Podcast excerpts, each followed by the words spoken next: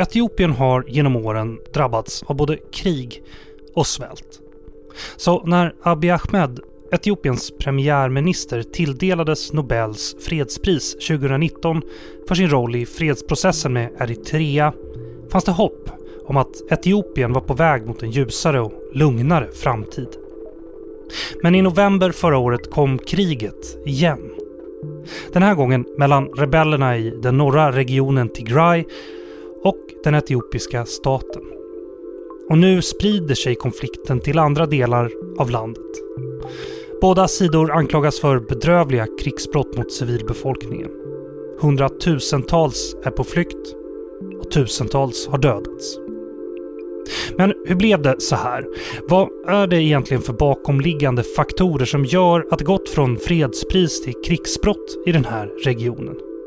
Och vad kommer att hända härnäst?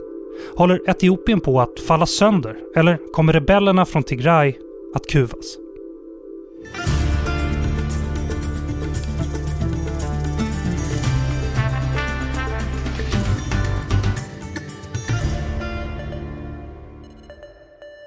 Det här är Utrikespolitiska institutets podd Utblick. Jag heter Jonas Lövenberg. I det här avsnittet ska vi prata om konflikten i Tigray i norra Etiopien.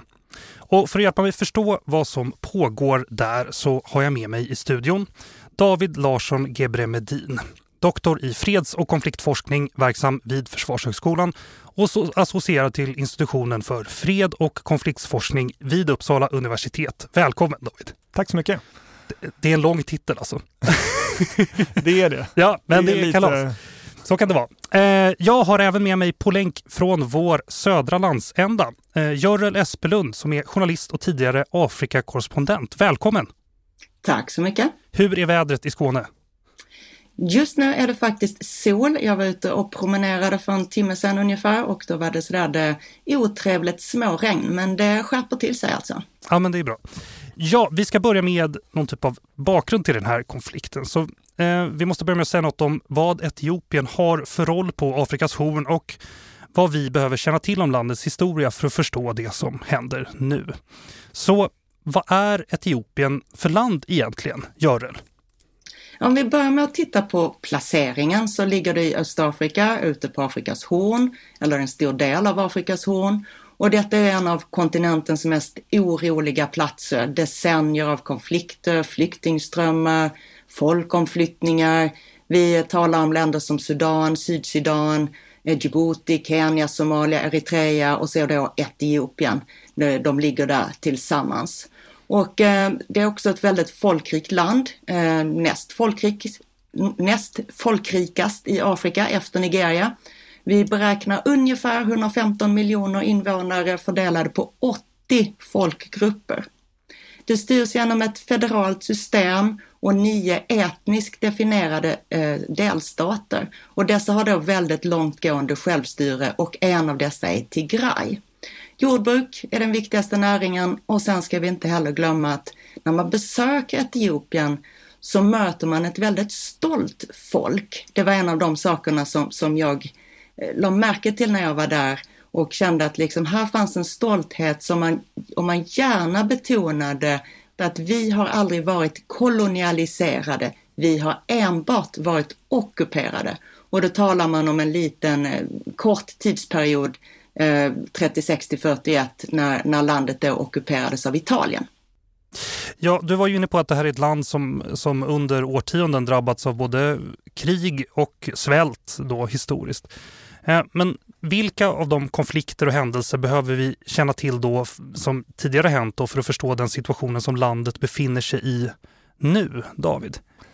Ja, alltså man kan väl säga att det är en sanning som kan nyanseras något det här med mm. att det har varit både krig och svält under lång tid. Ja, det stämmer att det har varit många krig historiskt och även svältkatastrofer i Etiopien och den närmsta parallellen i liksom minnet som man ofta kommer upp nu är ju under 1980-talet eh, Eh, då det var inbördeskrig i Etiopien och särskilt i Tigray eh, och även i nuvarande Eritrea och delar av eh, Oromia också. Och då det också pågick omfattande svältkatastrofer i Tigray. Ehm, så där har man ju en tydlig parallell. Ehm, men man kan också säga och nyansera det och säga att under till exempel perioden 2000 till 2018 så var det relativt förskonat Etiopien som land från eh, våld och etniskt våld och väpnade konflikter eh, och även svält. Om man, I alla fall om man jämför med länder med liknande ekonomiska och demografiska förutsättningar. Så att, eh, man, man kan ju se det att det är, det är inte så att det måste vara så i Etiopien eller att det nödvändigtvis är så eh, automatiskt. Men eh, det är sant att det finns en lång historia där. Eh, om man då ser till vad som är de viktiga eh, händelserna historiskt för att förstå den här nuvarande konflikten. Jag skulle ta upp tre saker som man behöver förstå särskilt. Dels den, den etiopiska politiska arenan, dels hur närhistorien har sett ut och då tänker jag 1990 till 2018 och sen även vad som hände efter 2018 när Abiy Ahmed kom till makten. Och om man håller det kort då, så jag förstår det etiopiska politiska systemet som att det pågår på två plan samtidigt. Mm. Det finns dels den här nationella federala nivån Eh, och sen har man den regionala nivån, precis som Görel pratade om. Eh, och de här eh, regionerna är ofta dominerade av en viss folkgrupp som har ett större inflytande där. Eh, och de här folkgrupperna kan ha ett eget regionalt intresse, självintresse, som de försöker liksom främja på den regionala nivån, men även på den nationella nivån. Så de olika folkgrupperna i de olika regionerna kan både konkurrera och samarbeta på den federala nivån, nationella nivån, för att uppnå sina intressen. Och de kan ha olika fokus på, vill man, har man främst fokus på sin region eller har man främst fokus på den nationella nivån? Så det är en viktig sak att ha med sig här. Den andra delen då med, med närhistorien. Jag skulle starta 1991. Eh, då störtades den tidigare militärregimen i eh, Etiopien och då var det just eh, TPLF, eller den Tigrianska folkets befrielsefront, eh, en rebellgrupp från Tigray som var väldigt viktiga i det här inbördeskriget och som störtade den tidigare regimen. Eh, men även eh, en eritreansk rebellrörelse eh, som samarbetade då eh, under inbördeskriget störtade militärregimen och resultatet blev att TPLF kom till makten i Etiopien och Eritrea blev en självständig stat och den, den eritreanska rebellgruppen kom till makten där. Eh, de hade som sagt samarbetat historiskt, men ganska snabbt på 90-talet så uppstod det konflikter mellan de här två länderna och ledarskapen. Och eh, eh det utmynnade till slut 1998 till 2000 i ett krig mellan Etiopien och Eritrea. Eh, och det innebar också att ledarskapen i Eritrea och Etiopien, eller i Tigray och eh, Eritrea, byggde upp en väldigt starkt fiendeskap och länderna bjöt, bröt liksom alla kontakter med varandra och de utkämpade en regional maktkamp här. Så i Etiopien så dominerade TPLF eh, politiskt under den här perioden då eh, och Tigray och tigrayanerna fick ett ganska oproportionerligt stort ekonomiskt och politiskt eh, inflytande. Eh, och det byggde över tiden upp då liksom stora spänningar och krav på ökat inflytande från andra grupper i Etiopien. Eh, framförallt då från Oromo och Amhara. Och det som hände då 2018 var att det här efter många år liksom kokade över, eh, framförallt i Oromia. Eh, men även in, eh, splittringar in i regeringspartiet i Etiopien. Och då kom Abiy Ahmed till makten med stöd från Amhara och Oromo främst. Och marginaliserade då TPLF och tigrianerna på den nationella nivån. Och de fick retirera till en liksom, regional politik och inriktning med det här. Eh, och där byggdes det upp en stark eh, motsättning mellan just eh, Abiy Ahmeds nya regering och TPLF eh, som stod utanför den nya regeringsmakten, mer och mer utanför regeringsmakten. Och det här spillde då över till slut eh, 2020 november när det eskalerade till en konflikt och krig i eh, Tigray mellan just TPLF och eh, regeringen, den centrala regeringen i Etiopien. Just det, och det är där vi är nu i den konflikten. Alltså. Ja. ja jag tänkte bara att jag, jag, ja. jag, skulle vilja tillägga en grej där. Ja, eh, när, när det spillde över och, och eh, kom, konfrontationen var ett faktum. En, en viktig orsak var ju att, att eh, TPLF då hade trotsat eh, premiärministern Abiy Ahmed när han sköt upp de federala parlamentsvalen som skulle ha hållits 2020 och eh, han sköt upp dem på grund av corona, hette det i alla fall. Men eh, ledningen uppe i Tigray de sa att nej, nej, vi kommer att hålla våra val. Och så gjorde man det. Och det var ju klart trots mot eh, regeringen.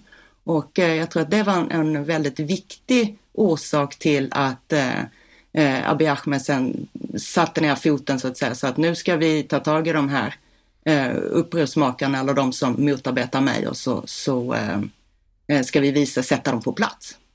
Helt klart, jag håller helt med och jag tycker att det är en väldigt viktig, vad ska man säga, en trigger för den här konflikten. Just det här uh, valet av TPLF att hålla de regionala valen uh, i trots mot uh, centralregeringen i Addis. och resultatet blev ju det här med att båda parter egentligen ser varandra som illegitima. Alltså mm, de, man kan inte förhandla med varandra för den andra parten har inget legitimt mandat att företräda sin grupp så att säga. Nej, precis. Och, och sen har väl, om, om jag har förstått det rätt, så har TPLF i alla fall tidigare hotat med att bryta sig ur Etiopien och hävdar att man har stöd eh, för att göra så i den federala konstitutionen. Um, och, och det är naturligtvis då ett, skulle jag tänka mig, ett skräckscenario för, för den sittande regeringsmakten att, att Etiopien skulle börja falla sönder.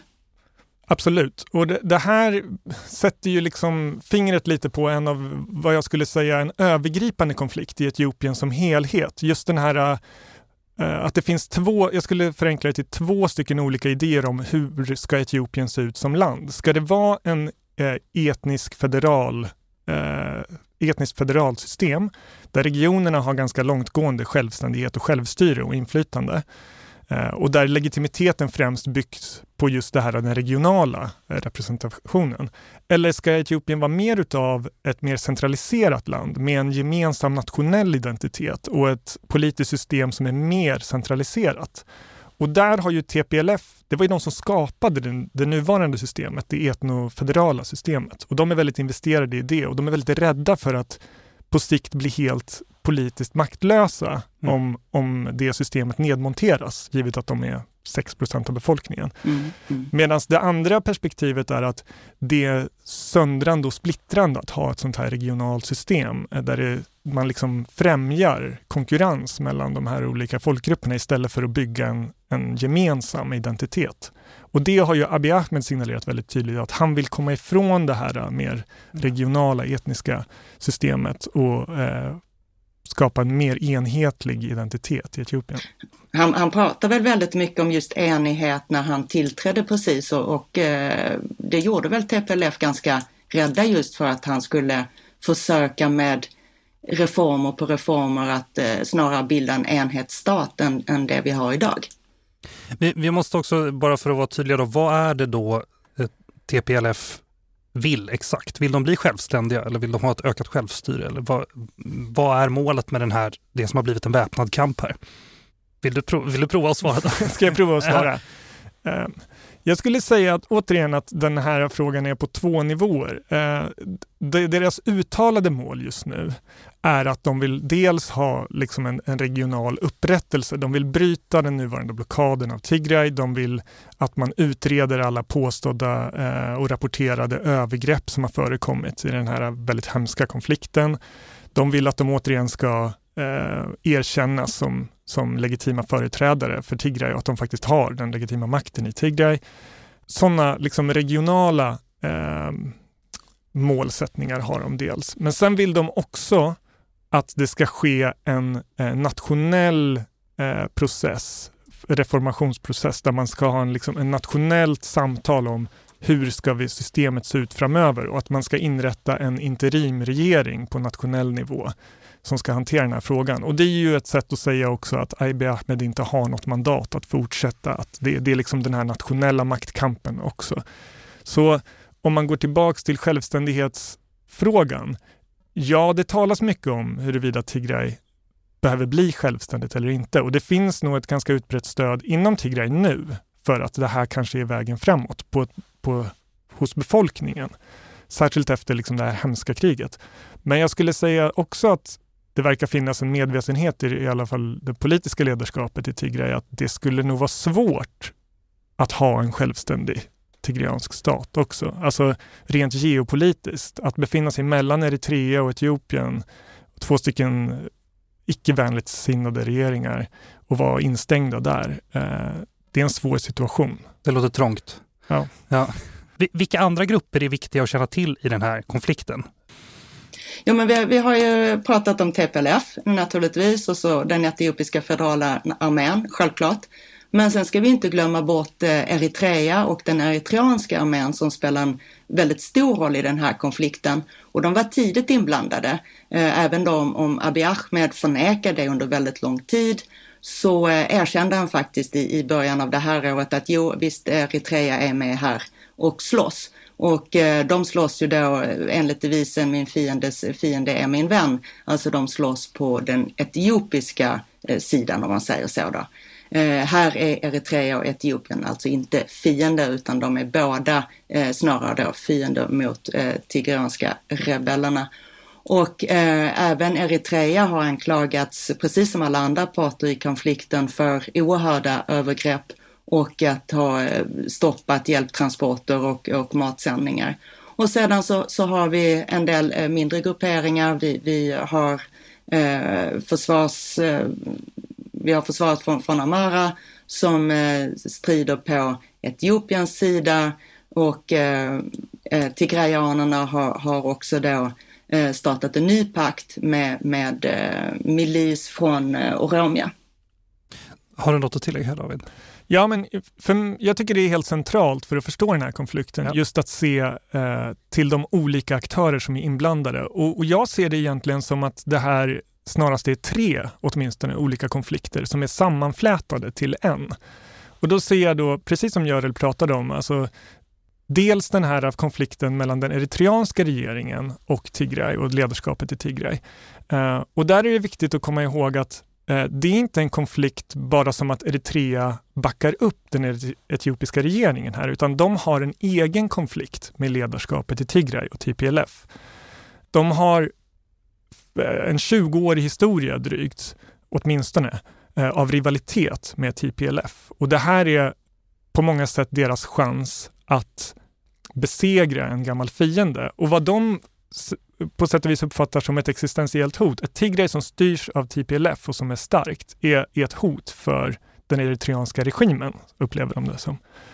Dels har de det, men de har också en territoriell konflikt med Tigray. Eh, gränskriget 98 till 2000 slutade med en, en process, eh, en domstolsprocess som skulle avgöra var gränsen gick. Och mycket av den viktiga gränsen går mellan Tigray och Eritrea.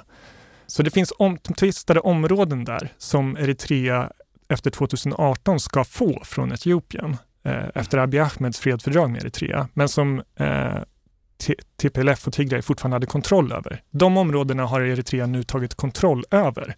Men där har vi ytterligare liksom en tvistefråga med, med TPLF och Eritrea. Sen har vi den här eh, konflikten som vi har pratat om då, mellan den etiopiska federala regeringen och TPLF. Det är liksom den andra konflikten här. Men också den tredje som Görel också nämnde mellan regionen Amhara och den, det regionala styret i Amhara och regionen Tigray och TPLF. Och där finns det dels eh, en generell politisk konkurrens som också har många år på nacken. Men man har också rent konkreta territoriella konflikter mellan regionerna där. Och, och där är en av anledningarna till att Amhara-milisen har gått in i Tigray och ockuperat och annekterat delar av Tigray. Eh, och det finns även där rapporter om vad som skulle kunna vara etnisk rensning. Men vi måste också säga någonting om fredspristagaren premiärminister Abiy Ahmed. V vad har han för roll i den här rådande situationen? Görel? Han har en eh, nyckelroll såklart. Eh, just nu så verkar han ju fullständigt eh, döv för eh, omvärldens kritik och eh, verkar överhuvudtaget inte alls kompromissvillig. Eh, han har fått väldigt mycket kritik. Det finns eh, från omvärlden. Han har naturligtvis anhängare i sitt eget land och, och eh, säkert också bland eh, delar av den etiopiska diasporan. Men eh, det har ju talats om att, att eh, Norge eller eh, Nobelkommittén då borde återkalla det här fredspriset. För, för mannen som, som fick fredspriset, han han hyllades ju för eh, sin politik om enighet, han hade släppt eh, tusentals politiska fångar, han hade gett större frihet till media och journalister och så gjorde han då eh, det här fredsavtalet så att det verkligen skulle kunna bli fred mellan Etiopien och Eritrea. Och idag är det en man som, som ställer sig upp och uppmanar Eh, alla män och kvinnor som kan att eh, ta till vapen och eh, ta värvning i armén och som sagt gå till krig mot Tigray. Jag tycker att Görel tar fasta på en väldigt viktig poäng här med Abiy Ahmeds roll i det hela. Och, och jag tänker att mycket av det handlar om att han för vidare på många sätt en tradition i etiopisk politik där, där den inrikespolitiska politiken och dynamiken är väldigt drivande för ledarna. Abiy Ahmed är ganska döv för omvärldens påtryckningar just nu och det är någonting som även tidigare etiopiska regeringar ofta har varit. Man prioriterar den, den inrikespolitiska överlevnaden och sin, sin eh, situation där snarare framför det ut, alltså internationella påtryckningar.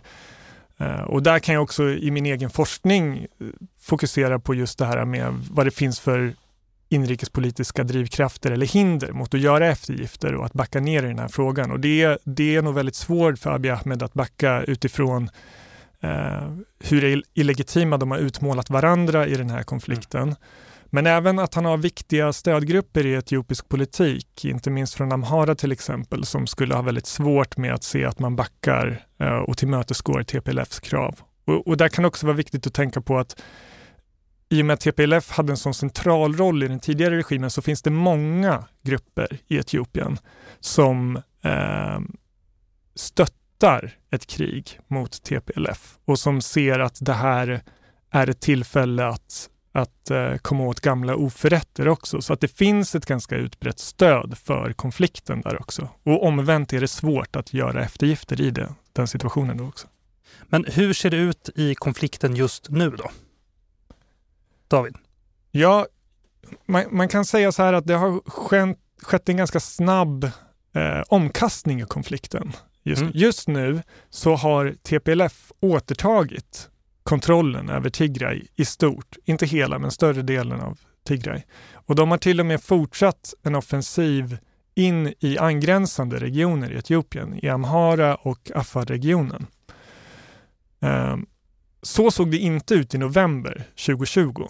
Då kunde regeringsmakten i Etiopien nå en ganska snabb framgång. Inom loppet av tre veckor så hade man tagit kontroll över i princip hela Tigray och regionshuvudstaden.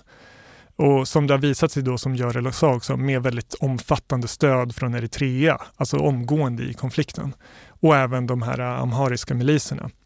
Eh, men sen var det en längre period av liksom en ockupationsmakt i eh, Tigray. En eritreansk, amharisk och en federal regeringsockupationsmakt av Tigray, där de inte riktigt lyckades knäcka TPLF eller eh, Tigrayan Defense Forces som de numera kallas. Och sen så skedde det en hastig omkastning av styrkeförhållandena eh, i slutet av juni nu i somras då TPLF helt plötsligt gick på offensiven och väldigt snabbt lyckades driva ut eh, de etiopiska regeringsstyrkorna och de eritreanska styrkorna har dragit sig tillbaks till, till norra delar av Tigray. Så där, där ser man att det har skett en väldigt stor svängning i styrkeförhållandena. Ehm, och där, där har det också pratats en del om att TPLF var väldigt överraskade i början, dels av den eritreanska inblandningen, dels av en, en drönaroperation eller eh, kampanj som visade sig vara väldigt effektiv. Ehm, så det verkar ha varit ganska avgörande där i början. Ehm, Just det, och nu, men nu är TPLF på frammarsch då, kan man säga. Ja, Ja. De, de, och det, framförallt regeringsstyrkorna har varit i eh, stor reträtt under senare tid. Det, det, här är ju en konflikt också där civilbefolkningen har drabbats hårt av det som händer i och runt Tigray är det väl vid det här laget. En av de organisationer som har försökt hålla reda på vad som händer i området eh, trots stora svårigheter är Amnesty International. De har nyligen kommit med en rapport om hur kvinnor och flickor vid flera tillfällen och på flera platser utsatts för sexuellt våld. Eh, jag pratar med en av personerna som har jobbat med rapporten. Vi lyssnar. My name is Donatella Rivera, and I'm one of the senior crisis response advisor in the crisis response team at Amnesty International's headquarters. So this report documents uh, sexual violence within the context of the uh, conflict, which is started in Tigray, in the Tigray region of Ethiopia at the beginning of last November, of November 2020, and it's still ongoing. The pattern that we've uncovered is one where all the forces that have been fighting on behalf of the Ethiopian government, and that is the Ethiopian National Army, the Amhara Special Police Force, uh, an informal Amhara militia called Fano, as well as uh, Eritrean soldiers who are there in support of Ethiopian government forces. All of those um, combatants have engaged in sexual attacks, sexual violence against women and girls. For the most part, our um, rapes are conducted by multiple perpetrators. So we're talking about gang rapes. In several cases, uh, the women and girl uh, we spoke to had been raped in front of their children, in front of other members of their families. Several of them had been kept for not just days, but weeks, uh, during which they were raped every day by multiple perpetrators um, in, in situations that constitute sexual slavery. The rapes were often accompanied by other forms of torture, including um, sexual uh, mutilations, beatings, death threats against the women and girls themselves, but also against their families and their communities. Um, ethnic slurs and demeaning and degrading comments again uh, directed at them, but also at their community. So these are these are the patterns, and um, uh, some of the girls were, were children. They were below the age of 18, 15, 16. I, I've been doing this work for more than 20 years, investigating war crimes and crimes against humanity uh, and other gross violations um, in all the big conflicts, uh, especially throughout the Middle East and Africa. And, uh, and, and in the context of those investigations, I've investigated sexual violence in a variety of conflicts, including Iraq, Somalia, South Sudan, and other places. And our findings in Tigray are amongst the worst that I've, that I've come across. I mean, it's, it's very widespread. Uh, it's a concerted uh, type of of uh, violation, and that's why the, the scale and the gravity constitutes war crime, and and they may possibly also constitute crimes against humanity. In this report, you you describe the Ethiopian army or the forces fighting on the Ethiopian side committing these um, atrocities. Do you have any signs that this is happening on both sides of the conflict? We have documented uh, human rights abuses committed by both sides. In fact, our very first press release back in November at the beginning of the conflict was about killings of civilians by Tigrayan fighters. Um, when it comes to uh, rape and sexual violence, the information that we've been able to verify is about combatants fighting on the side of the Ethiopian government carrying out those atrocities. But that was during the period when those forces, the Ethiopian army and Amhara special police uh, force and militia and Eritrean soldiers, were operating and were in control of the Tigray region. That was until June. The situation since June has evolved, and now those combatants are no longer present in the most of Tigray, except the western part. And Tigrayan combatants are now present in neighboring region, Amhara and Afar region, uh, notably. And we've received allegations that they have committed uh, abuses, uh, including uh, sexual violence.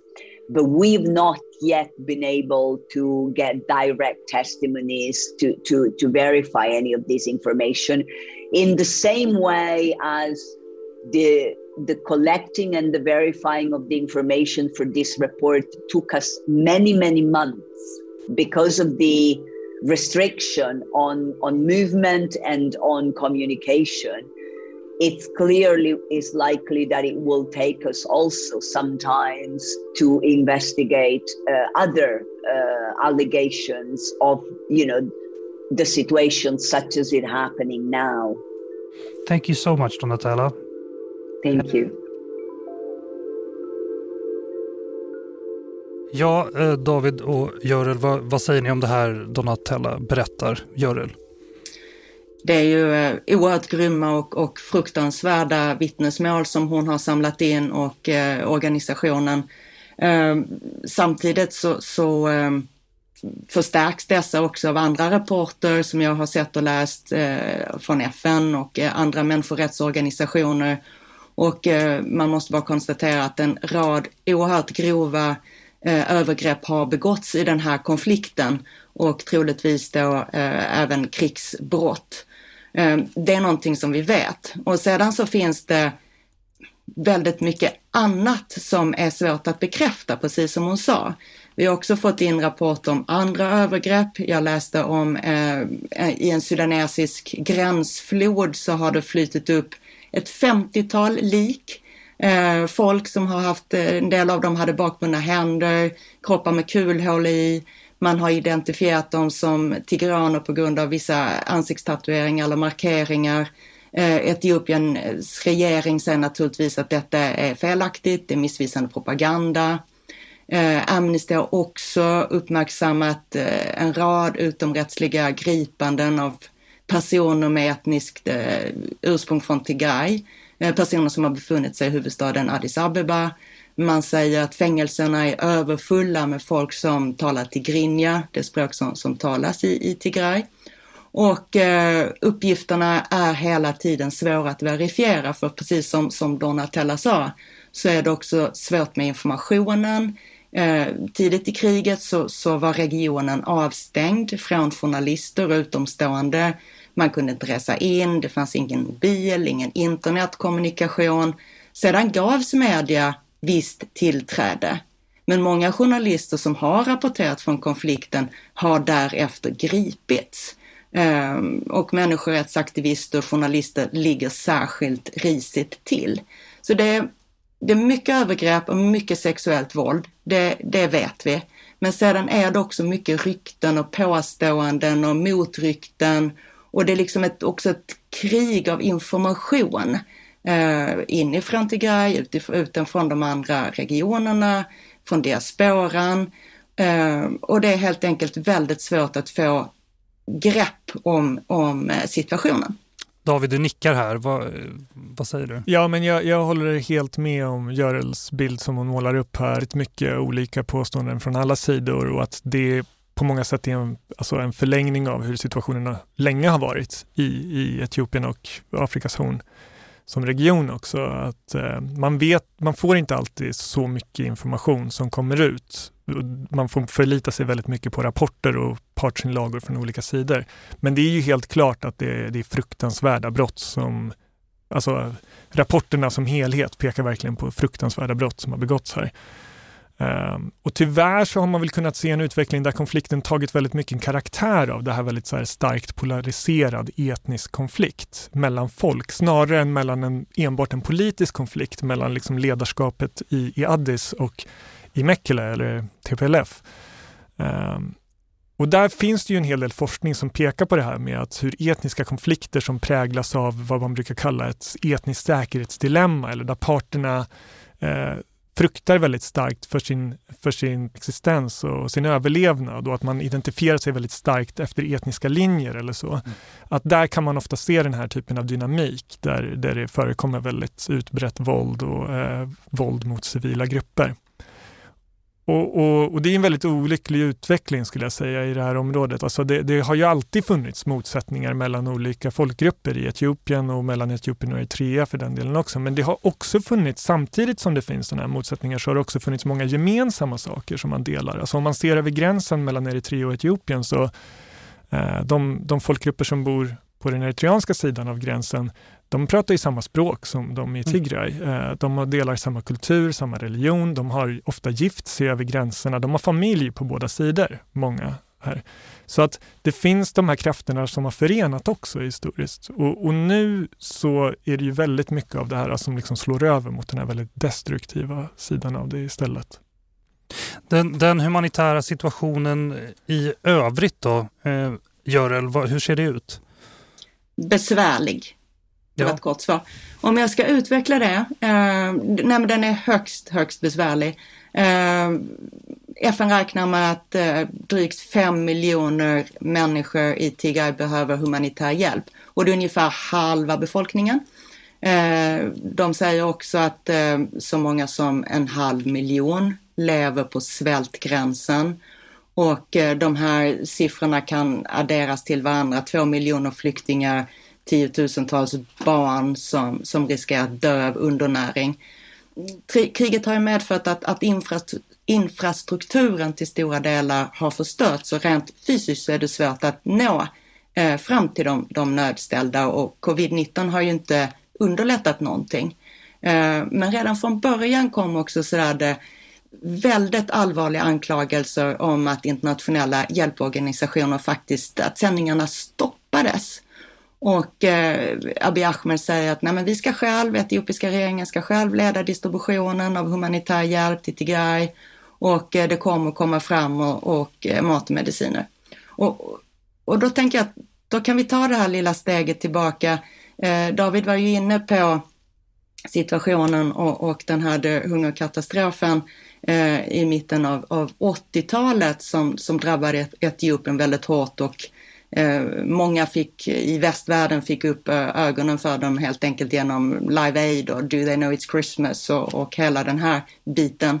Men det var ju en hungersnöd som visserligen hade föregåtts av flera år av torka, men det var också politiska beslut som hade förvärrat situationen. Folk hade tvångsförflyttats över landet, jordbruken hade nationaliserats, de var ineffektiva, missnöjet hade börjat pyra och då bland annat eh, så fanns TPLF där som en motståndare till regimen. Och eh, landets då styrande råd, Dergen med, med Mengistu i spetsen, han undanhöll hjälp från omvärlden till rebellområdena, bland annat Tigray. Så att, att vi ser ju här nästan av en, en upprepning av historien där det blev någon slags blandning mellan inbördeskrig och hungersnöd. Eh, resultatet en miljon etiopier som dog av svält, tror man. Nu eh, är det ju så att, att eh, de här anklagelserna mot, eh, som riktas mot eh, Etiopien inte det är inte bara Etiopien som, som man riktar anklagelser mot utan också Eritrea. Eh, där, där en av FNs högt uppsatta har sagt att de eritreanska styrkorna försöker att eh, liksom svälta ut den tigreanska befolkningen och att mat har blivit ett vapen i kriget. Och det här är ju oerhört allvarligt. Vi måste prata om också då vad, hur framtiden då kan se ut. Så vart är liksom konflikten på väg? Kommer det bli ett fullskaligt inbördeskrig i Etiopien? David, vad tror du? Så jag skulle karaktärisera det som att det redan är inbördeskrig okay. i Etiopien. Bara utifrån konflikten i Tigray. Alltså som du nämnde i inledningen, det är hundratusentals på flykt, det är tusentals döda. Enligt många definitioner som vi använder, åtminstone inom forskningen för vad, vad ett krig är, så är det här ett inbördeskrig.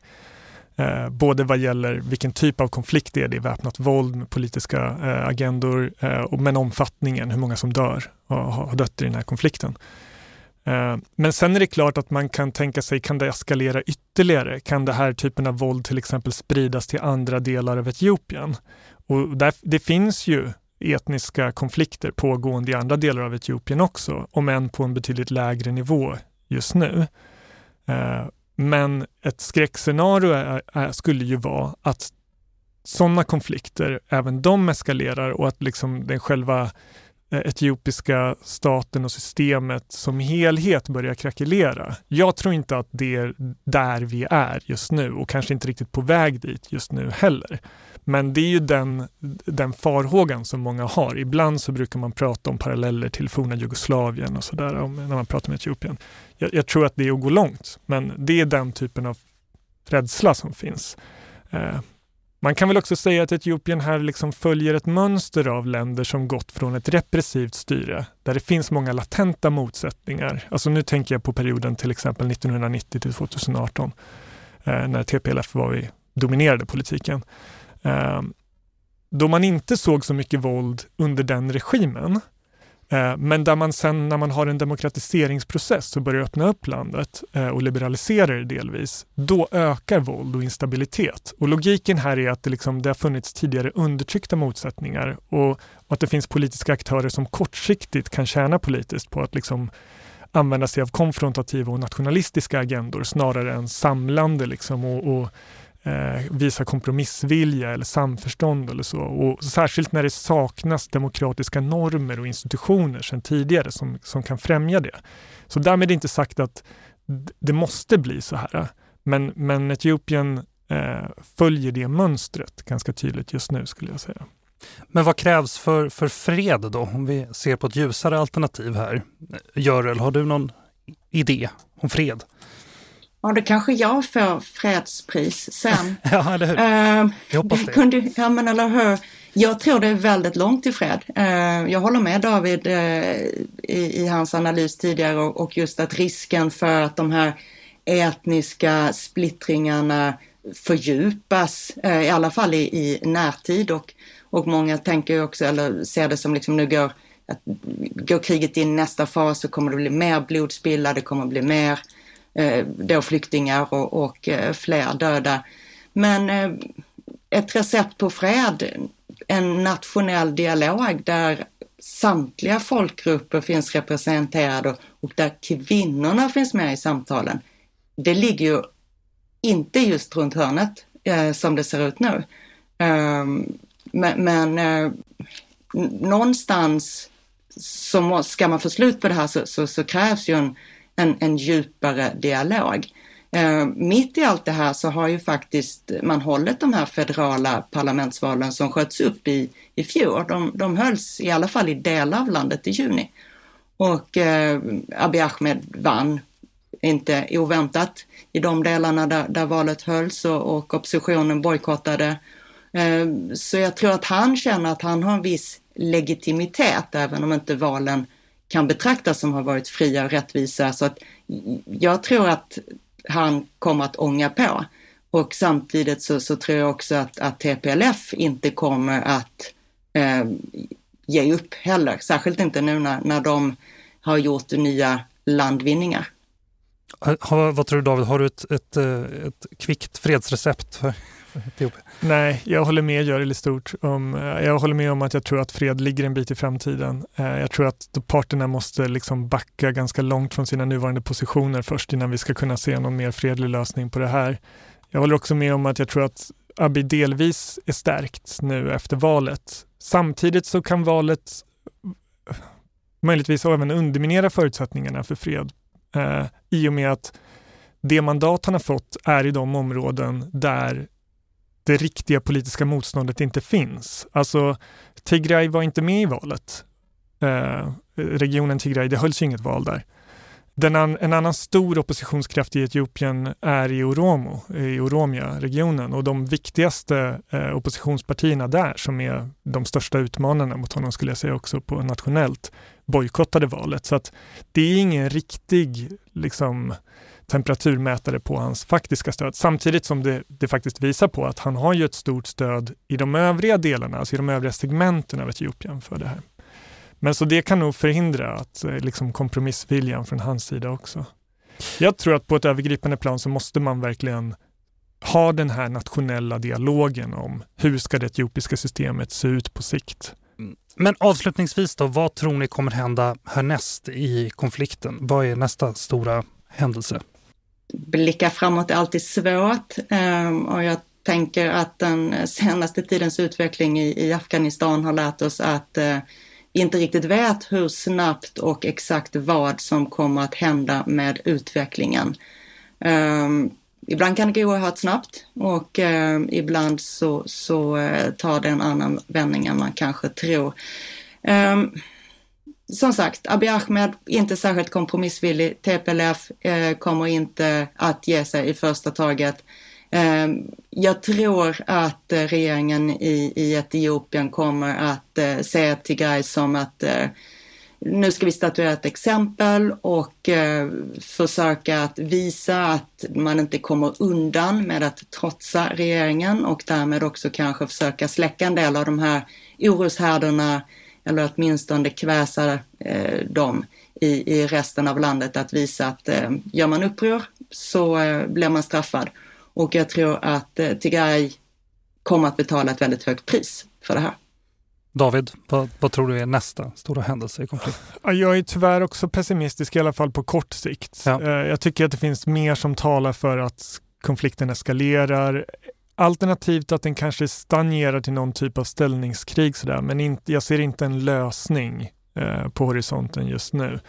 Det är alltid svårt att säga om framtiden och som Görel säger också, alltså, om det är någonting som vi har kunnat se i den här regionen de senaste åren så är det ju att det kan hända saker väldigt plötsligt och väldigt oväntade saker. Alltså, när Abiy Ahmed kom till makten 2018 var ju det en överraskning på många sätt också och hans agenda och hur snabbt han etablerade relationer med Eritrea och skrev fredsfördrag. Och sen så såg vi hur snabbt den här, eller det var mycket som hade föregått eskaleringen av den här konflikten, det ska vi erkänna. Men eh, hur den utvecklades var också delvis överraskande och även hur det liksom styrkeförhållandena kastades om nu det här året, var också överraskande. Men om, å ena sidan om, om man ser ett scenario där parterna fortsätter att mobilisera och genomföra offensiver, alltså fruktansvärda konsekvenser det skulle bli av det. Om vi ser mer av ett scenario där de eh, fryser konflikten på så sätt att man ser ett isolerat Tigray. Eh, alltså vid situationen mellan Eritrea och Etiopien mellan 2000 och 2018 var ju ett exempel på vad man skulle kunna beskriva som en fryst konflikt. Och, och, där hade man ju den här dynamiken av att båda sidor på något sätt väntade ut den andra parten. Man tänkte sig att de skadas mer av den här situationen än vad vi gör. Eh, vi kan isolera Tigray under lång tid och de kommer ta skada. Och omvänt så kan re, regimen i Tigray tänka sig att snart kommer det etiopiska statsmakten falla samman eller det eritreanska statsmakten falla samman. Och, sånt där. Och, så, och så ser man bara en konflikt som pågår väldigt länge, fast kanske inte lika intensivt. Um, ja, det, det är de två liksom, övergripande scenarier som jag kan tänka mig. Men på sikt så måste ju parterna hitta ett sätt att förhålla sig till varandra på, alltså bara rent, geografiskt. Tigray ligger där det ligger. Det ligger mellan Eritrea och det ligger mellan andra delar av Etiopien. Ehm, alla typer av liksom konstruktiva framtidsscenarier förutsätter ju relationer där. Och där måste de ju bygga någon typ av institutioner, tänker jag mig, på sikt. Alltså att att faktiskt ha sätt att hantera sina konflikter och intressemotsättningar eh, som är mer formaliserade. Och man måste nå vad vi brukar prata om, ett liksom mutually hurting stalemate. Båda parter måste komma till den här punkten när de inte ser sig själv kunna vinna på kort sikt och där det är kostsamt att fortsätta konflikten. Där det, där det blir ändå att föredra att försöka hitta en lösning. Att man inte vill fortsätta investera massa resurser i någonting som man inte ser kunna leda till något gott. Men vi är inte där än tror jag. David Larsson Gebre Medin, doktor i freds och konfliktforskning. Eh, Görel Espelund, journalist. Tack för att ni var med i Utblick. Tack. Tack så mycket. Den lilla delen ni fick höra av min intervju med Donatella var ju inte allt vi hann säga till varann och eh, ni kommer kunna hitta hela min intervju med Donatella Rivera från Amnesty International i Utblicksflöde. Hon berättar bland annat om hur man har jobbat med att samla in data och eh, vad hon och Amnesty tror man behöver göra för att få ordning på läget i Tigray. Om ni vill veta mer om Utrikespolitiska institutets forskning och omvärldsbevakning, kolla in ui.se. Raul Berggren Ek skötte tekniken idag. Vår vignett är komponerad av Friden Frid och resten har jag gjort. Jag heter Jonas Lövenberg. På återhörande.